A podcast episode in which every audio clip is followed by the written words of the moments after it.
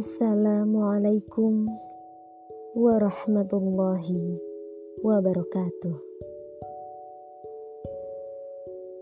Sobat Peacemaker yang dirahmati Allah.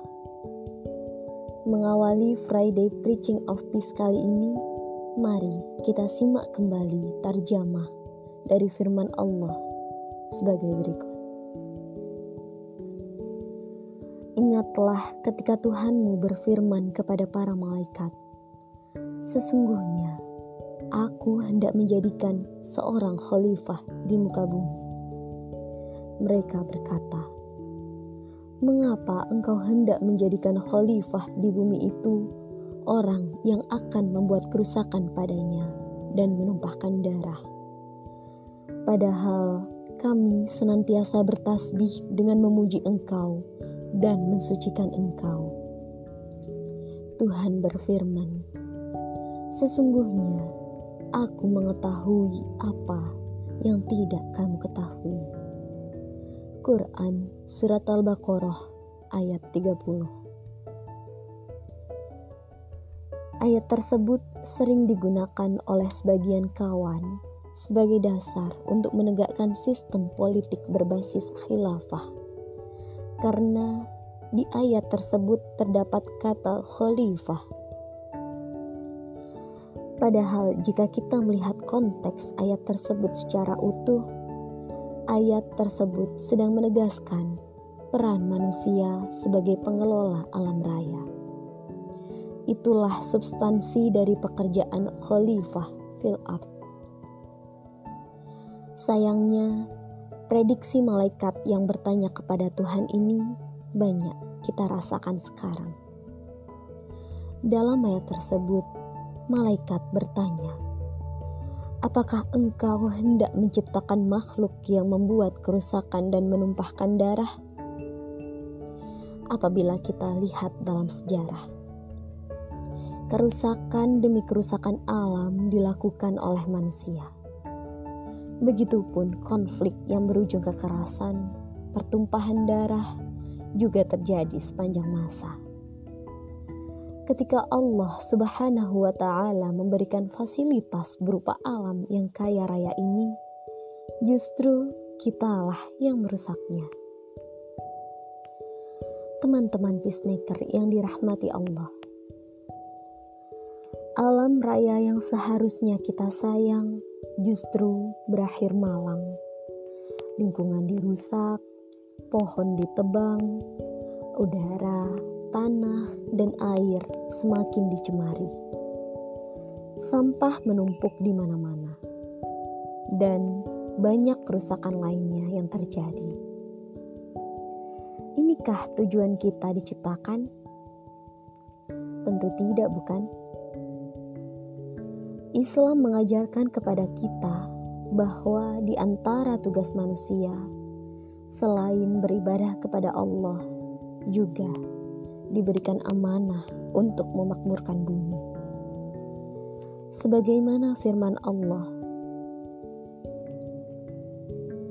Dia telah menciptakan kamu dari bumi dan menjadikan kamu pemakmurnya. Quran Surat Hud ayat 61 Memahami ayat tersebut, Syekh Yusuf Al-Qardawi dalam kitabnya di Ayatul Bi'ah fi Syariatil Islam menjelaskan bahwa ayat tersebut menegaskan tujuan manusia untuk membangun peradaban. Menurut beliau, usaha untuk membangun bumi dapat sempurna melalui cara menanam, memperbaiki, menghidupi, serta menghindarkan diri dari hal-hal yang merusak alam. Sehingga seharusnya peradaban alam raya ini dibangun dengan keadaban, bukan kebiadaban. Bencana demi bencana yang saat ini menimpa bangsa seharusnya menjadi bahan introspeksi diri. Ada yang salah dari sikap kita kepada alam. Jika alam kita rawat, maka alam pun akan memberi nikmat. Lantas, apa yang bisa kita lakukan?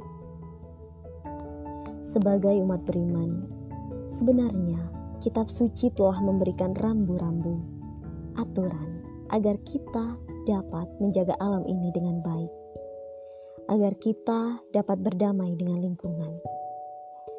Nabi pun telah memberikan teladan dalam satu, salah satu hadis yang populer misalnya. Beliau menegaskan, kebersihan adalah sebagian daripada iman. Menjaga kebersihan merupakan salah satu langkah yang dapat kita lakukan sebagai langkah awal untuk menjaga lingkungan. Kebersihan diri, rumah, lingkungan sekitar, sungai, lautan, dan lain sebagainya. Kita sering lupa bahwa menjaga lingkungan juga merupakan bentuk daripada ibadah. Maka, daripada itu, dengan menjaga kebersihan, maka merupakan bentuk dari refleksi keimanan. Jangan sampai kita hanya berkoar-koar menyerukan keimanan, tetapi abai menjaga lingkungan. Itu tandanya iman kita belum membumi dalam perbuatan. Mari kita menjaga lingkungan, dimulai dari diri sendiri dan dimulai dari hal-hal yang paling sederhana. Harapannya, melalui hal-hal kecil yang kita lakukan dalam menjaga lingkungan, dapat menjadi teladan bagi orang-orang di sekitar. Menjaga lingkungan menjadi tugas kita bersama, karena menjaga kualitas lingkungan dapat berpengaruh pada kualitas kehidupan manusia. Mari kita menjaga lingkungan sebagai bentuk syukur atas nikmat alam semesta yang telah Allah limpahkan kepada kita. Wassalamualaikum warahmatullahi wabarakatuh.